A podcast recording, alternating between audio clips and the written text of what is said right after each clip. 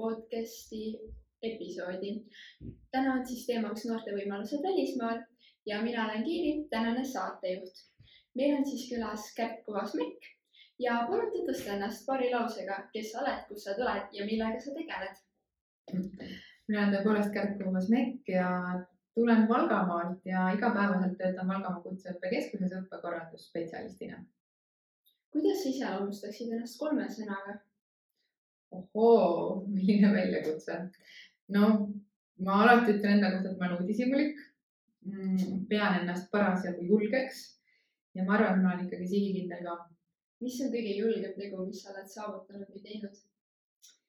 kõige julgem või kõige julgem äkki on see olnud, kui, kui sa võtad väljakutse vastu ja sa täpselt ei tea, mida see endaga kaasa toob, aga sa oled valmis selleks ja ja eks seesama, kui me räägime siin täna välismaal õppimisvõimalustest või ka praktiseerimisvõimalustest, siis see kindlasti on ka minu jaoks olnud meeldivalt julge väljakutse. ja tegelikult ongi, kui sa võtad mingi väljakutse vastu, siis äh, nagu see kartus, ma arvan, on kõige suurem, aga pärast on ikka see mõte, et äh, väga hea, et sa selle väljakutse vastu on selle nimi.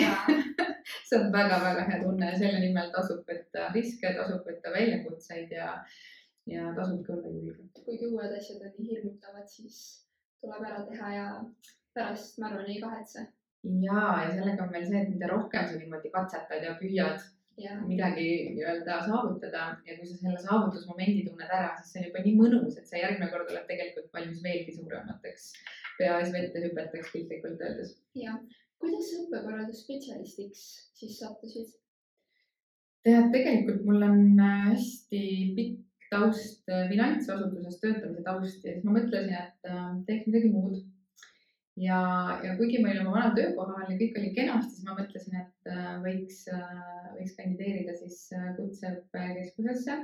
ega ma ise ka täpselt ei teadnud, mis see õppekorraldusspetsialisti eriala on, see lihtsalt kõlas nii hästi ja mul pole kunagi nii pikka ametinimetust olnud ja, ja siis ma proovisin ja siis seal öeldi, et ähm, või õigemini küsiti seda, et kas sa oled valmis ka palju nagu töökohalt väljaspool tööd tegema.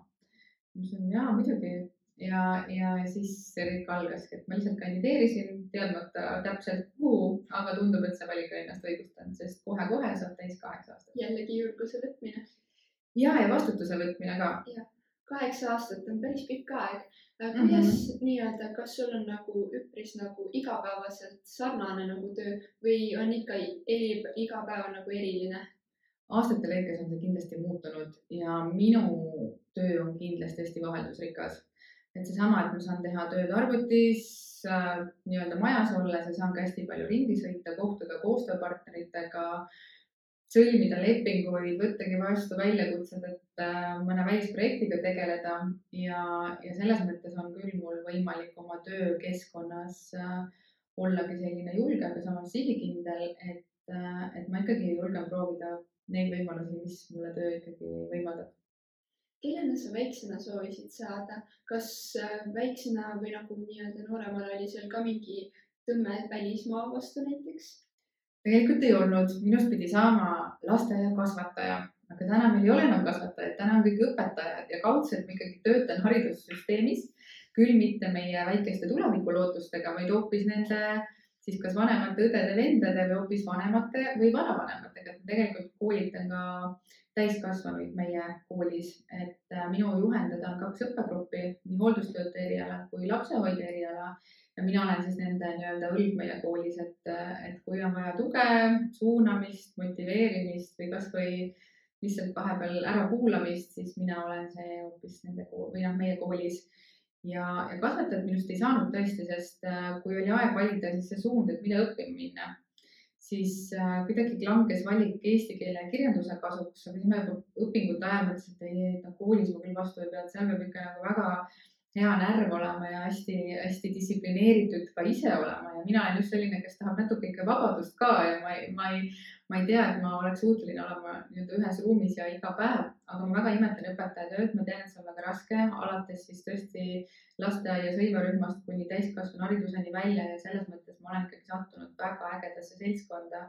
ma näen seda tulemust, ma tajun seda, kui me ka aeg-ajalt vestleme enda töötajatega kasvõi lõunalauas siis tegelikult see töö, mida nad teevad, on väga tänuväärne, nii et ma küll olen natuke kurb, et ma ei ole minust ei saanud lasteaiakasvatajat, aga samas olen väga rõõmus, et ma olen jõudnud siis täiskasvanu õppeni.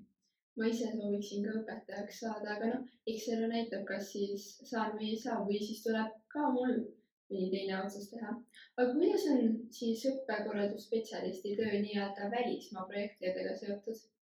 Välismaa projektidega seonduvalt äh, on ikkagi Erasmus pluss meie koolis kõige levinum või laialdasem projekt, kus siis saavad õpetajad stažeerida.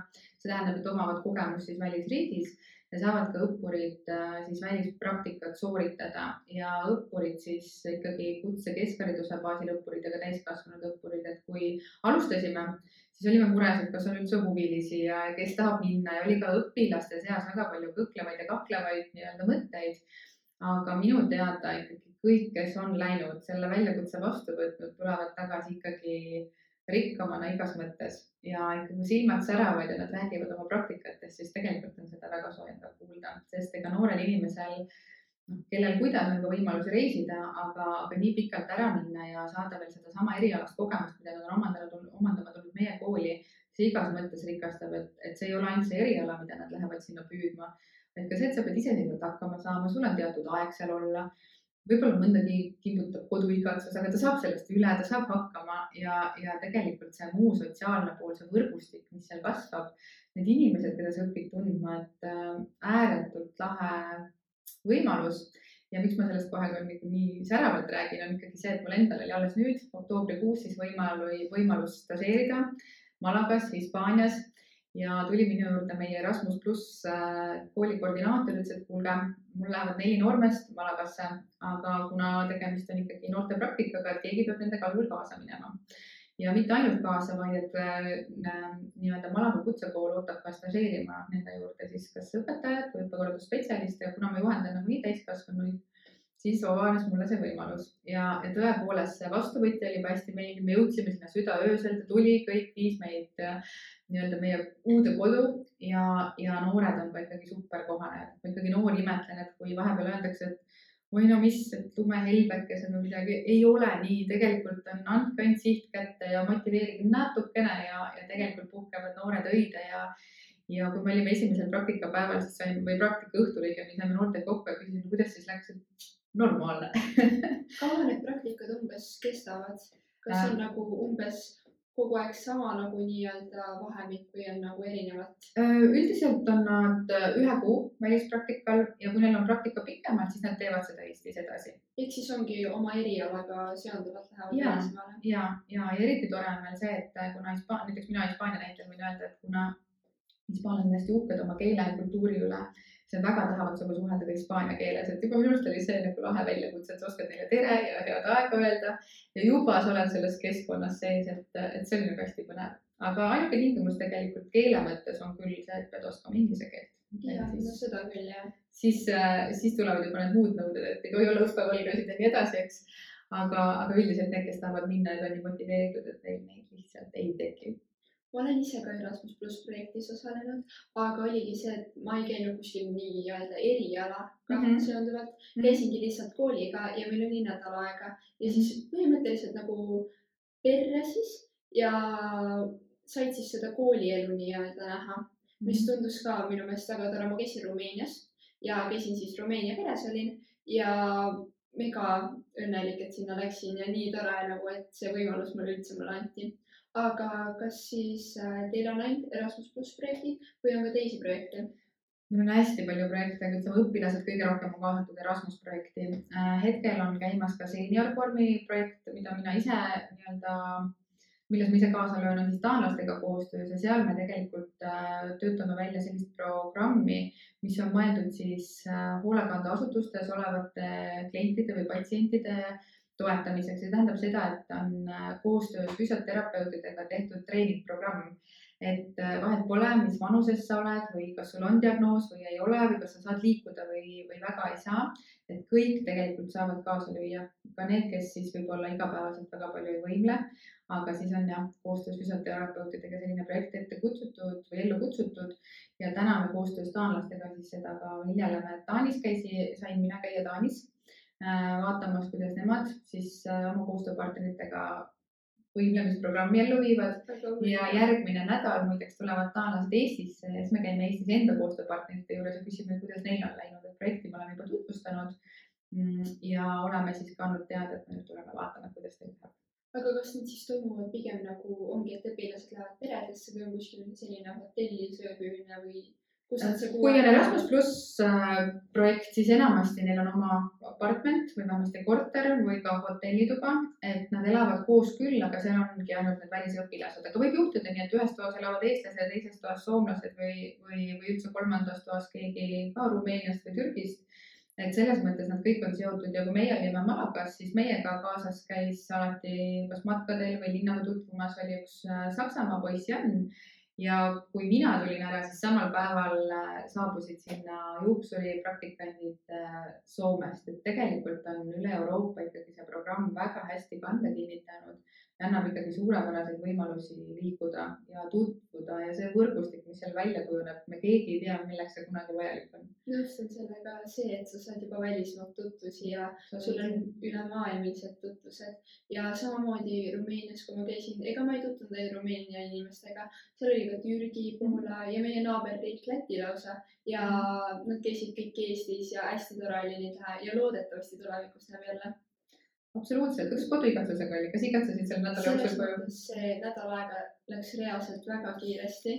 ma poleks uskunud, et nii kiiresti, aga alguses oli see, et äh, läksin sinna, kuna ma läksin Rumeeniasse väikese kartusega, sest ma ei olnud kontakti saanud, siis oli see, et äh, no see oli Erasmus pluss see. Ja siis läksin sinna, aga väga tore oli. Ja hästi tore pere oli, aga oligi see, et alguses see inglise keele mood nii-öelda ei olnud veel mul peal, onju, aga olin see päev otsa ära ja siis juba siis kui tegin pere siis kõne, siis tahtsid ka mõne ingliskeelse sõna öelda, sest nagu see keskkond oli kogu aeg ingliskeelne. et nagu lõpuks harjub ära ja aeg läheb mega kiiresti. Ja hästi tore ja ainult head mälestused. väga äge, meie õpilased on ka sellised, algul lähevad kõhkluste ja kah- kahtlustega või kahtlustega nii-öelda, et ja kui esimene nädala lõpp võib-olla tulebki see väike koduigatsus tegelikult, siis nad lõpus äh, ikkagi juba ütlevad, et oh, tahaks veel natukeseks jääda, et kohanevad, saavad sõpru endale juurde. näiteks meie puhul ka tutvuvad koostööpartneritega, neil tundub ka see töö juba jõukohane, et nad saavad kõigega hakkama, mis nendelt oodatakse, tekib selline eduelamus. ja, ja tegelikult see tagasitulek on alati pigem selline, et ah juba, mitte et oh, kaua veel onju. ja täpselt ja nagu tegelikult see lahkuminek või nagu see projekti lõpp oli, oli väga kurb. No kui ma Rumeenias käisin, siis oli see, et nad tulid pärast nagu Eestisse kuud hiljem, et nägi jälle, aga nüüd ongi see, et ega mitu kuud ei ole näinud, onju. okei okay,, õnneks on nagu siis telefonid, mille kaudu saab suhelda, aga otseselt nii hea ei ole näinud ja siis kunagi oleks, ma arvan, ikka väga tore näha ja siis ma mäletan, kui ma Rumeeniast lahkusin, siis see tüdruk ütles, et, et ma olen alati nii-öelda tagasi oodatud ja nad ehitasid maja, et äkki ma tulen kunagi tagasi, kui neil on maja valmis. seega eks näha, äkki jõuab sinna ja samamoodi Poolas, kuigi ma Poolas nagu otseselt projektiga ei käinud, siis nagu need tüdrukud kutsusid sinna tagasi. Mhm, said elada nagu peres, et meie noored jah, ei ole peres otseselt elanud, kes noh, meie koolis õpivad. aga ma arvan, et ka see on ikkagi hästi lahe kogemus, eriti veel, kui sa satud teadmata kuhu ja pärast on nii positiivne tagasiside ja teil jääb ka see tutvus nii-öelda või sihuke suhtlus ka hiljem, et no ma kindlasti see tore. käisin ka Fääri saartel äh, peredes, lausa kahes peres olin nädal aega ja, aga Lätis, kui ma käisin, ma olen kahe projektiga siis Lätis käinud ja seal oli see tühiselamus, elasin mm, -hmm. seal nagu said teistega ka tutvuda, aga lihtsalt nagu oli eestlaste korrus ja siis mm Mhm. -hmm. nii-öelda, ma ei tea, ma eelistan pigem pere, okei okay,, kui ongi hea pere ja nagu tõesti nagu suhtlus on nagu okei okay., aga ma tean, et mõned said nagu sellised põhimõtteliselt pantomiini tegid, sest nagu mõned türklased ei osanud nii hästi inglise keelt ja siis Google Translate aitas õnneks asja välja. ja, ja tänapäeval ei tasu ka nende tehnika nii-öelda moodsate vidinate kasutamist karta, et äh, mul on endal ka Türgi, Türgi linnas Istanbulis kogemus, kus taksojuht ei osanud sõnagi mõnda muud keelt ja mina loomulikult ei osanud ühtegi türgi keelt. Ja kui ma tahtsin kuskile jõuda, siis me suhtlesime ainult äppide abil ja see oli nii lahe, sest tema olid äpid kohe tagataskust võtta, eks ta oli harjunud juba sellega, et tuleb turist ja tahab kuskile ja see tegelikult lõpuks tegi meile nii nalja, et me juba enam ei rääkinud sellest, et kuidas me kuhugi jõuame, vaid, vaid ta ütles, et kuule, ma teen teile Istanbuli tuuri ja sõidutas meid ka ütleme nendesse piirkondadesse, kuhu me ise poleks oma trajektoori mööda sattunud. ega see oli selline rikastav, et mis nende reiside puhul ka võib-olla nagu esile kerkib, on ka see, et, et me lõpuks väärtustame ka ise seda keskkonda, kus me tegelikult elame täna ja kui hea meil siin on elada. ja kui lahe, et meie ja meie sõbrad ikkagi saavad võimaluse nii-öelda liikuda ja kui sina ütled ka, et sa oled käinud päris mitmetel reisidel, siis ma arvan, et ei ole ühtegi reisi, kus sa mõtled, miks ma siia tulin. Pigem on ikka sihuke mõnus, hea vibe või hea mälestus. Yeah. ja kes teab, kuhu need mälestused viivad, et võib-olla satudki veel Rumeeniasse. Ja see, kes meid muideks Malagas vastu võttis, kes oli siis meie Hispaania-poolne partner, siis tegelikult see naine oli küll elanud kakskümmend aastat Hispaanias, aga tema sündis ikkagi Rumeenias. nii et selles mõttes on see Euroopa või üldse maailm ikkagi nii väike ja, ja kellel on vähegi võimalik, mina kahel käel soovitan, kuigi algul võib olla hirm kuigi algul, algul võib olla ka kahtlus või kõhklus, et kuidas ma saan hakkama, siis ähm, seda ei pea kartma, te saate kindlasti hakkama, sellepärast et äh, no see elamus ise juba on see, mis annab teile tiivad ja, ja ma arvan ka, et ja veel eriti, kui noored ise räägivad sellest, minu arust see on kõige lahedam, et noh, et koolis öelda, et selline võimalus on, tuleb mõni, kes on päriselt juba käinud ja kogenud, nagu praegu sina ütled, et see oli tõesti niisugune elumuutuv kogemus või niisugune, et ma tahan veel ja ma lähengi uuesti, kui on võimalus siis äh, no mida veel, noored ongi meie tulevik, nii et te peategi käima, nägema maailma ja tulema tagasi veel rikkamana. tegelikult nagu alguses oligi see, et äh, väikene kartus ikka oli sees, aga lõpuks tuled nii suure tutvuste pagasiga ja saad ka teist kultuuri avastada ja aga nende Erasmus pluss projektidega, kas siis äh, sinu tööna, kas need noored, kes lähevad sinna kuu aega praktikale, kas neil peab olema mingi rahaline nii-öelda panus ka enda poolt või on nagu projekti rahadest kõik? meie koolis ei pea, et meie koordinaator ikkagi püüab äh, sättida niimoodi, et on kaks versiooni, et kas tema maksab toidud ära, toidukorrad nii-öelda ja keegi seal vastutab selle eest, et meie noortel oleks kolm korda päevas soe toit või siis annab kogu selle nii-öelda taskuraha noortele, nad ise teavad, kas nad siis söövad sooja toitu või pigem võtavad midagi muud. et, et need on ainult kaks varianti, aga alati on see taskuraha nii-öelda kooli poolt ja söögikorrad ja kõik see eluks vajalik nii-öelda toimetulemine ka, et. ja mis veel on, ega ei ole ainult see, et tutvuda kohalikega, vaid sa saad ka nagu ringi käia ja selleks jäetakse piisavalt aega ja enamasti need vastuvõtjad ka küsivad, et mida te tahate näha et kas te tahate ainult siin kesklinnas olla või me sõidame kuskile külla, kus on ka väiksed koolid ja näitame seda osa. ja näiteks äh, Malagas oli niimoodi, et tööstuspiirkond üldsegi oli linna ääres, et äh, keset linna ikkagi oli nii-öelda turistimekka, aga linna ääres oli siis äh, tootmine ja tööstus ja tegelikult meie noored pidid ka olema valmis liiklema hästi palju bussiga, et minna siis hommikul praktikale, õhtul tulla ja, ja siis nad küll olid, elasid väga kesklinna lähedal aga nad pidid ka nii-öelda seiklema natukene bussiga ja ka see ju annab juurde, et äh, tean ise, et kui kunagi tahtsin reisile minna, siis ma julgesin osta ainult pakettreise, sest muidu ma ju jään hätta ja ma ei saa hakkama. Siis vastupidi, iga reis rikastab ja, ja kui nüüd võtad juba isegi ise oma äpi välja, vaatad, kuidas Malini bussiga saab teise külla või, või teise kooli liigelda, ilma et ma peaks osta, ostma, ma ei tea, ainult taksopileteid, siis äh, tegelikult see on ikka suur võit. aga õppekorraldust äh oota, mis see õppekorraldusspetsialist yeah. äh, siis mis need põhiülesanded sul siis on? Igapäevaselt ma koordineeringi meie praktikaid, praktikate kaitsmisel osalen, planeerin praktikaid ja samamoodi siis ka töökohapõhist õpet, et Eestis on aina enam kanda kinnitamas töökohapõhine õpe, mis tähendab seda, et eelkõige on see suunatud täiskasvanud õppijale, kes tahab oma erialal saada nii-öelda rohkem teadmisi. Ja siis äh, igapäevaselt ma tegelengi sellega, et meil oleks üle Eesti gruppe äh,, et meil oleksid rahulolevad tööandjad ja loomulikult siis ka õpetajad rõõmsa näoga läheksid alati klassi ette, et neil oleks ka õpilasi. et, et seda osa ma koordineerin, aga väga-väga suure osa sellest tööst teeb ikkagi terve tiim ära, et terve meie koolipere seisab hea selle eest, et äh, õpilased oleksid rõõmsad, et õpetajad oleksid rõõmsad ja kogu personal tegelikult et, et ja alati on ka hästi nagu noh, hästi organiseeritudki see, et seesama Erasmus pluss, millest me siin mitmeid kordi oleme rääkinud, et, et alati saaks minna keegi uus õpetaja stažeerima, et kui eelmine kord näiteks käis keegi Koka erialast õpetaja näiteks stažeerimas, siis järgmine kord läheb logistika valdkonna õpetaja ja siis läheb puiduvaldkonna õpetaja ja alati nagu planeeritud niimoodi, et majasiseselt me ka teame, et kes võib-olla just käis, et siis täna uuesti ei lähe, läheb mõni teine õpetaja. Aga ka ütlen seda, et õpetajatel ongi väga kiire graafik ja mõnikord lihtsalt ei ole ajaliselt võimalik, et sellest me peame ka nagu lähtuma. Aga kaua umbes selline ühe projekti kirjutamine aega võtab? ai, seda peab projektijuhi käest küsima aga ma tean, et kui on kevadel esitamise tähtaeg, siis töö hakkab juba sügisel ja kui esitamise tähtaeg on sügisel, siis töö hakkab juba kevadel, et, et tuleb ikkagi planeerida seda aega, et võimalikult ägedatel, mõnusatel tingimustel see praktika saaks hiljem korraldatud. et see planeerimise etapp kindlasti on üks äh, kõige pingelisem. ehk siis kas aastas on nagu mitu projekti ikkagi? Ja selles mõttes, et Erasmus pluss on kas ma ei oskagi öelda, kuidas see ajaliselt on, aga võib küll nii olla, et jah, et üks projekt hakkab äh, sügisel ja, ja kevadel tuleb juba uus kirjutada, et, äh, et see võib küll nii olla või ongi niimoodi. okei okay., aga mis sina arvad, kas või millised omadused peaksid olema noorel, kes tahaksid siis nagu nendest välisprojektidest osa võtta?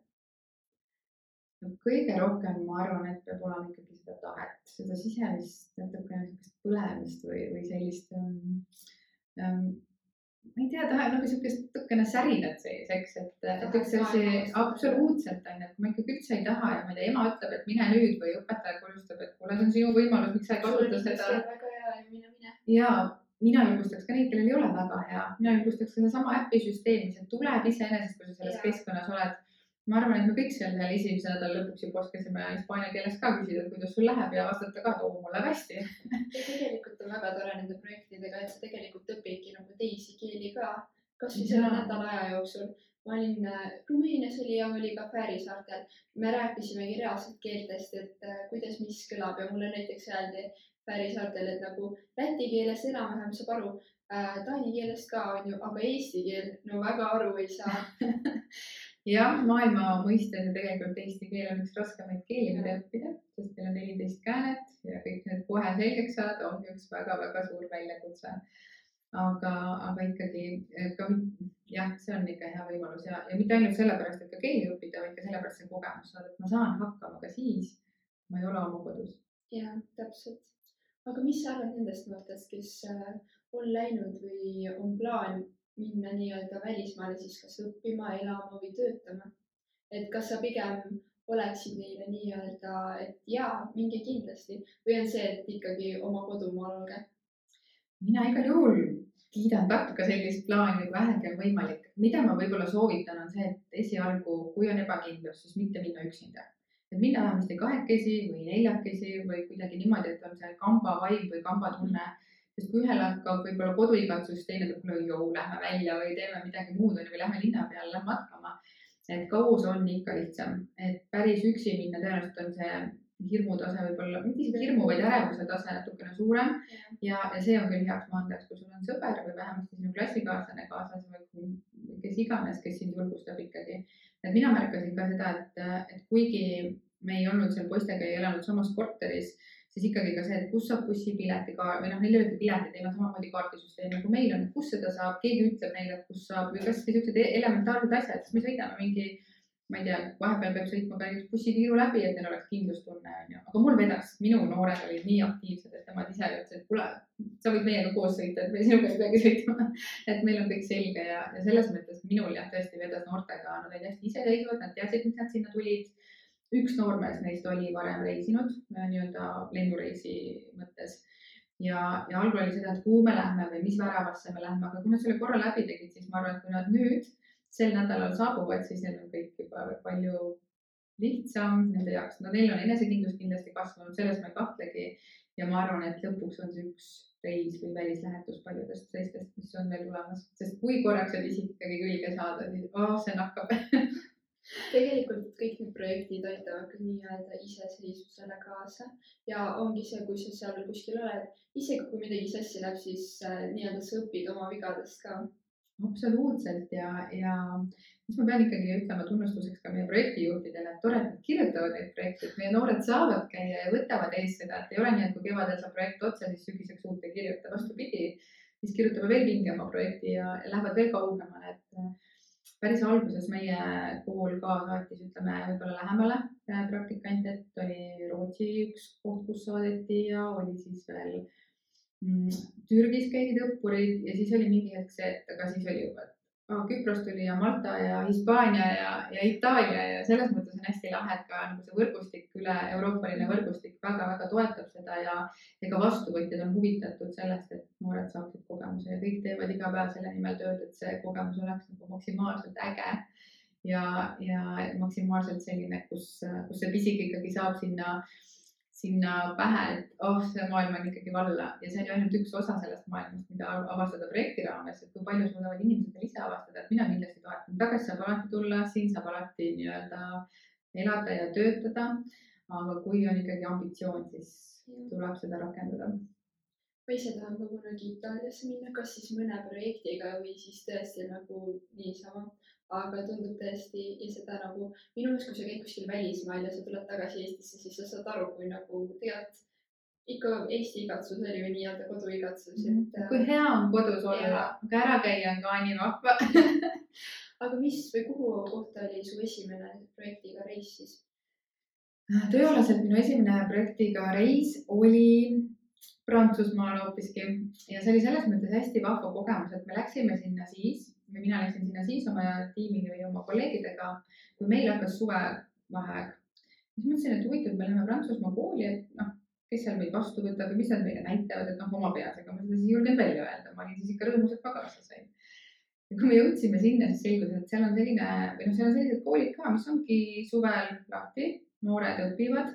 Ja võib-olla nii, et kui noor pagar äh, päeval kell üksteist on klassiruumis ja tunnis, siis õhtul ta võib sulle juba kohalikus äh, kohvikus võib-olla saiakesi küpsetada. Või kui teenindaja on hommikul õppes, siis õhtul ta teenindab sind juba päris restoranis. et see oli kuidagi nagu nii sujuv, et päeval omandan teadmisi, õhtul rakendan, et kui meil on niimoodi, et äh, teooria pool ja praktika tuleb otsa, siis teil oli kõik kuidagi läbisegi ja siis me nagu küsisime, et kas nagu suvel õppida on motivatsioon, sest jah, et suvel on ju kõige suurem turismipiirkond, kõige parem praktika, kõige rohkem saan seda pingetaluvustesti, et kui hästi ma üldse olen valmis selleks, et kui mul on, ma ei tea, kohvik või restoran äh, kliente täis. ja. ja see tundus nagu nii loogiline ja, ja siis meil õnnestus ööbida ka äh, sellesama kooli ühikas ja siis, ja siis oli niimoodi, et see oli neli inimest ühes toas, mina olin ka elanud tolleks ajaks ühikas ja meil oli neli inimest, ütleme korteri peale et toas oli maksimaalselt kaks inimest, mõtlesin huvitav, kuidas nad siin hakkama saavad ja siis kohalikud ütlesid, ei väga hästi saavad. et iga hommik nad pakivad oma asjad kokku, päeval on neil kohvris ja õhtuks nad võivad hoopis uue toa saada ja uue toanaabri ka. ja siis ma mõtlesin küll, et okei okay,, et meil on ikkagi teistmoodi, et kui ma see aasta ikkagi elan näiteks sinuga ühes toas, siis ma saan sellega aasta lõpuni niimoodi arvestada, et ma olen sinu toanaaber. aga nemad käisid kohvritega ringi ja kõik, kedagi ma ei näinud, et keegi oleks norm või midagi.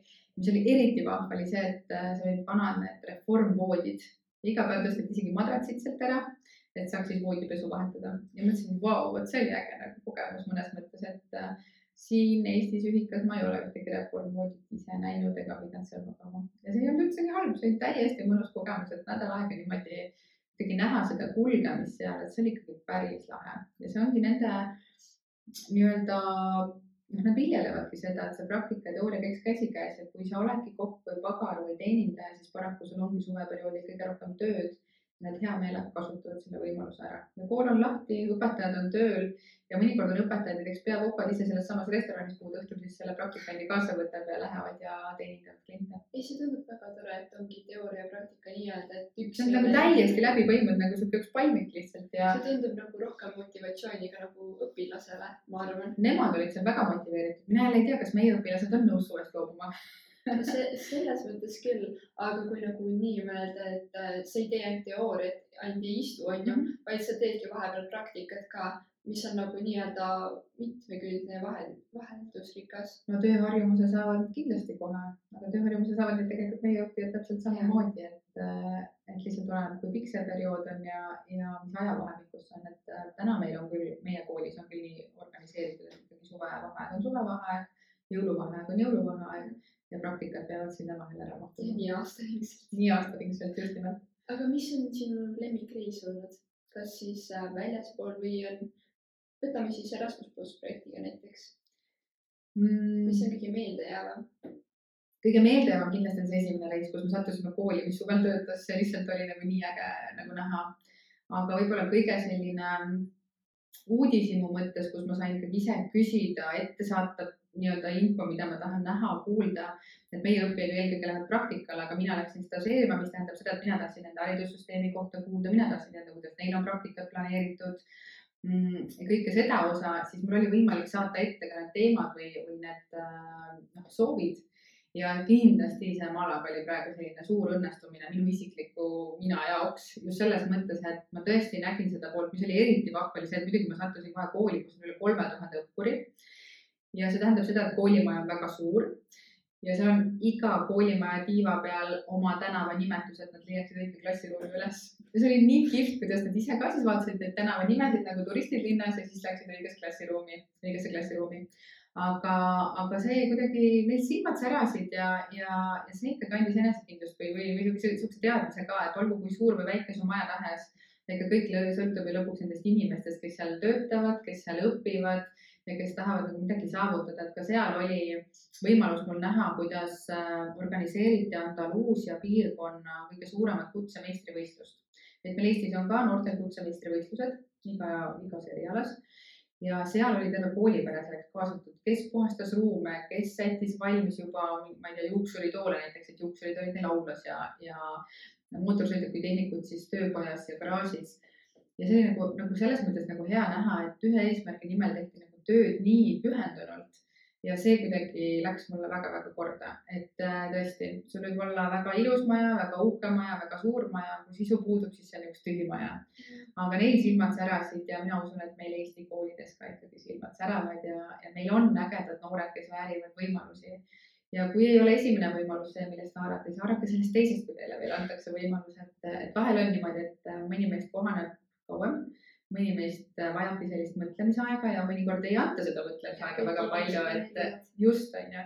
et see ei tähenda, et see oleks kohe mingi ebaõnnestumine, kindlasti mitte. et kui esimene kord see teema ei kõneta või pole päris see, siis äkki teist korda oled juba julgem ja katseta ja proovi ikka ja võta sõber kaasa ja, ja tegelikult on maailm lahti tee mõlema jaoks. jah, mul oli ka esimene projekt see oli paar aastat tagasi, oli ka Lätti minek, aga kuna ma olin nagu nii noor, siis ma nagu kartsin ja, ja siis ei olnud veel seda, et äh, nii-öelda nii julgus suhelda.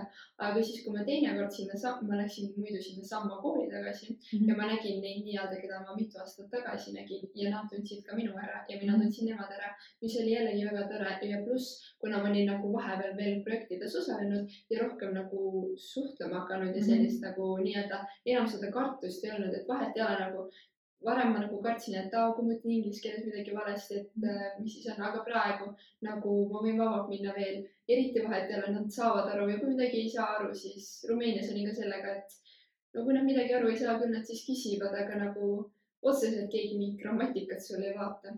absoluutselt nõus ja nemad on samasugused õppurid. Seal riigis nagu sina siin ja, ja vahel tead selline kvandiline praktika muutubki palju enesekindlamaks ja soravamaks ja keelekasutus ja kõik see, et äh, mina näiteks loen täna ingliskeelseid raamatuid tänu sellele, et ma olen käinud ja näinud ja, ja täiesti tore on. kunagi ma arvasin, et issand, ma ei oska midagi ja ma ei saa aru ka, onju. tegelikult ei ole niimoodi.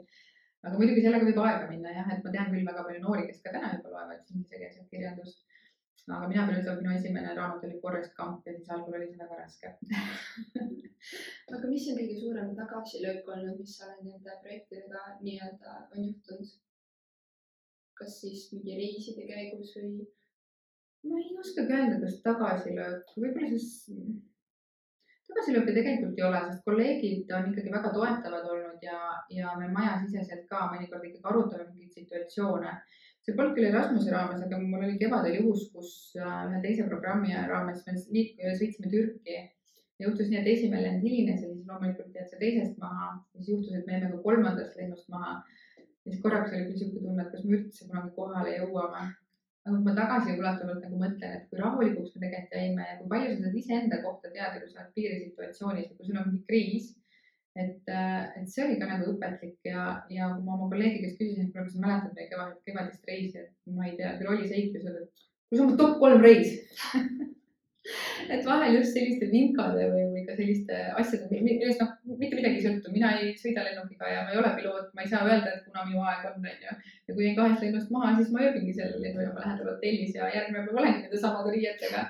aga elu on seiklus ja selles mõttes see tegelikult õpetab meie kohta nii mõndagi siis kui ma Päärisaartele läksin, siis oli ka, et sinna saabumine, see oli küll pikk reis ja tegelikult oli ka nii-öelda nagu raskusi tekitav või nagu natuke hirmus, sest äh, viimane lend, mis meil oli, äh, väljas oli torm ja see mhm. lennuk päriselt rappus ja siis oligi see, et äh, kui see lennuk sinna, see oli mingi Soomest lendasime siis Fääri saarte, jah, Fääri saartele ja siis oligi see, et kui see lennuk maandus, siis siis ei olnud seda, et äh, lennukist pidid otse sinna nagu ruumi minema, vaid sa pidid läbi nagu kõndima siis lennukist alla ja minema läbi nii-öelda selle vaba õhu ja Mhm. siis oi kui suur torm seal oli, sa kõndisid mingi paar meetrit ja sa olid juba läbi mere ja see saabumine oli selline huvitav.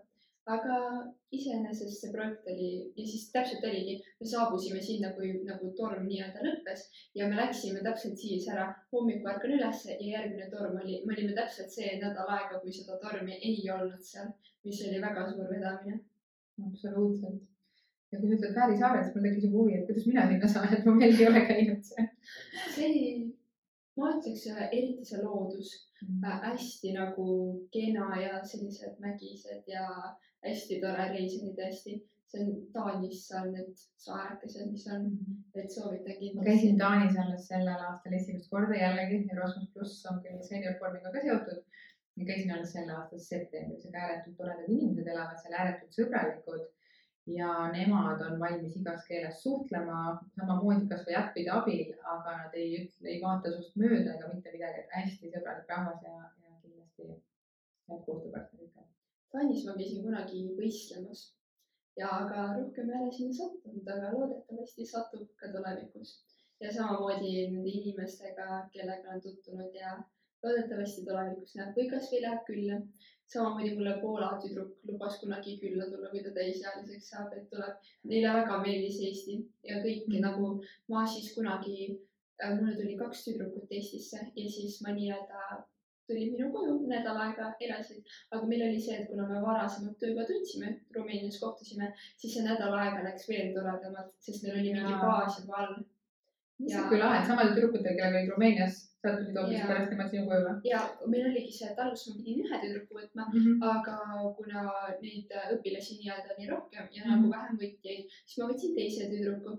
aga oligi see, et ma lugesin selle nimekirja läbi ja kuna ma nägin ühte tuttavat nime, kellega siis ma olin Rumeenias kohtunud, siis ma olin, et kuna me olime kõik kolm juba nagu tuttavad, siis oli palju toredam juba.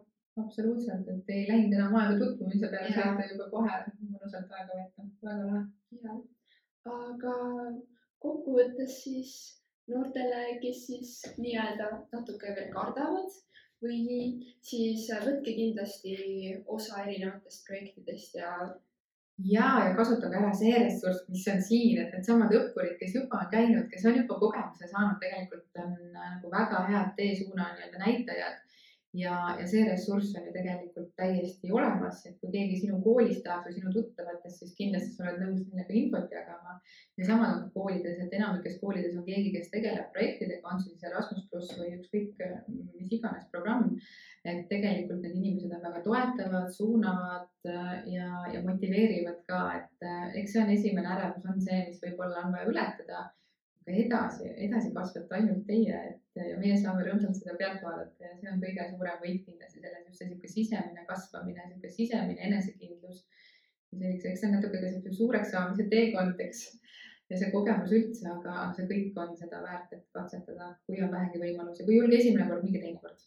aga Küll. minge hiljuti IHVU äh, kool siis pakkus, et äh, IHVU, aga ei, ei olnud IHVU, midagi, see mingi Flex projekt oli hoopis nii. ja siis oli see, et pakuti, et aa, kõik kinni maksas, aga see oli aasta aega Mhm. seega tollel hetkel ma otsustasin, okei okay,, ma ei kandideeri, sest aasta aega kõlab kuidagi nagu veits hirmuäratavalt ikkagi mm. -hmm.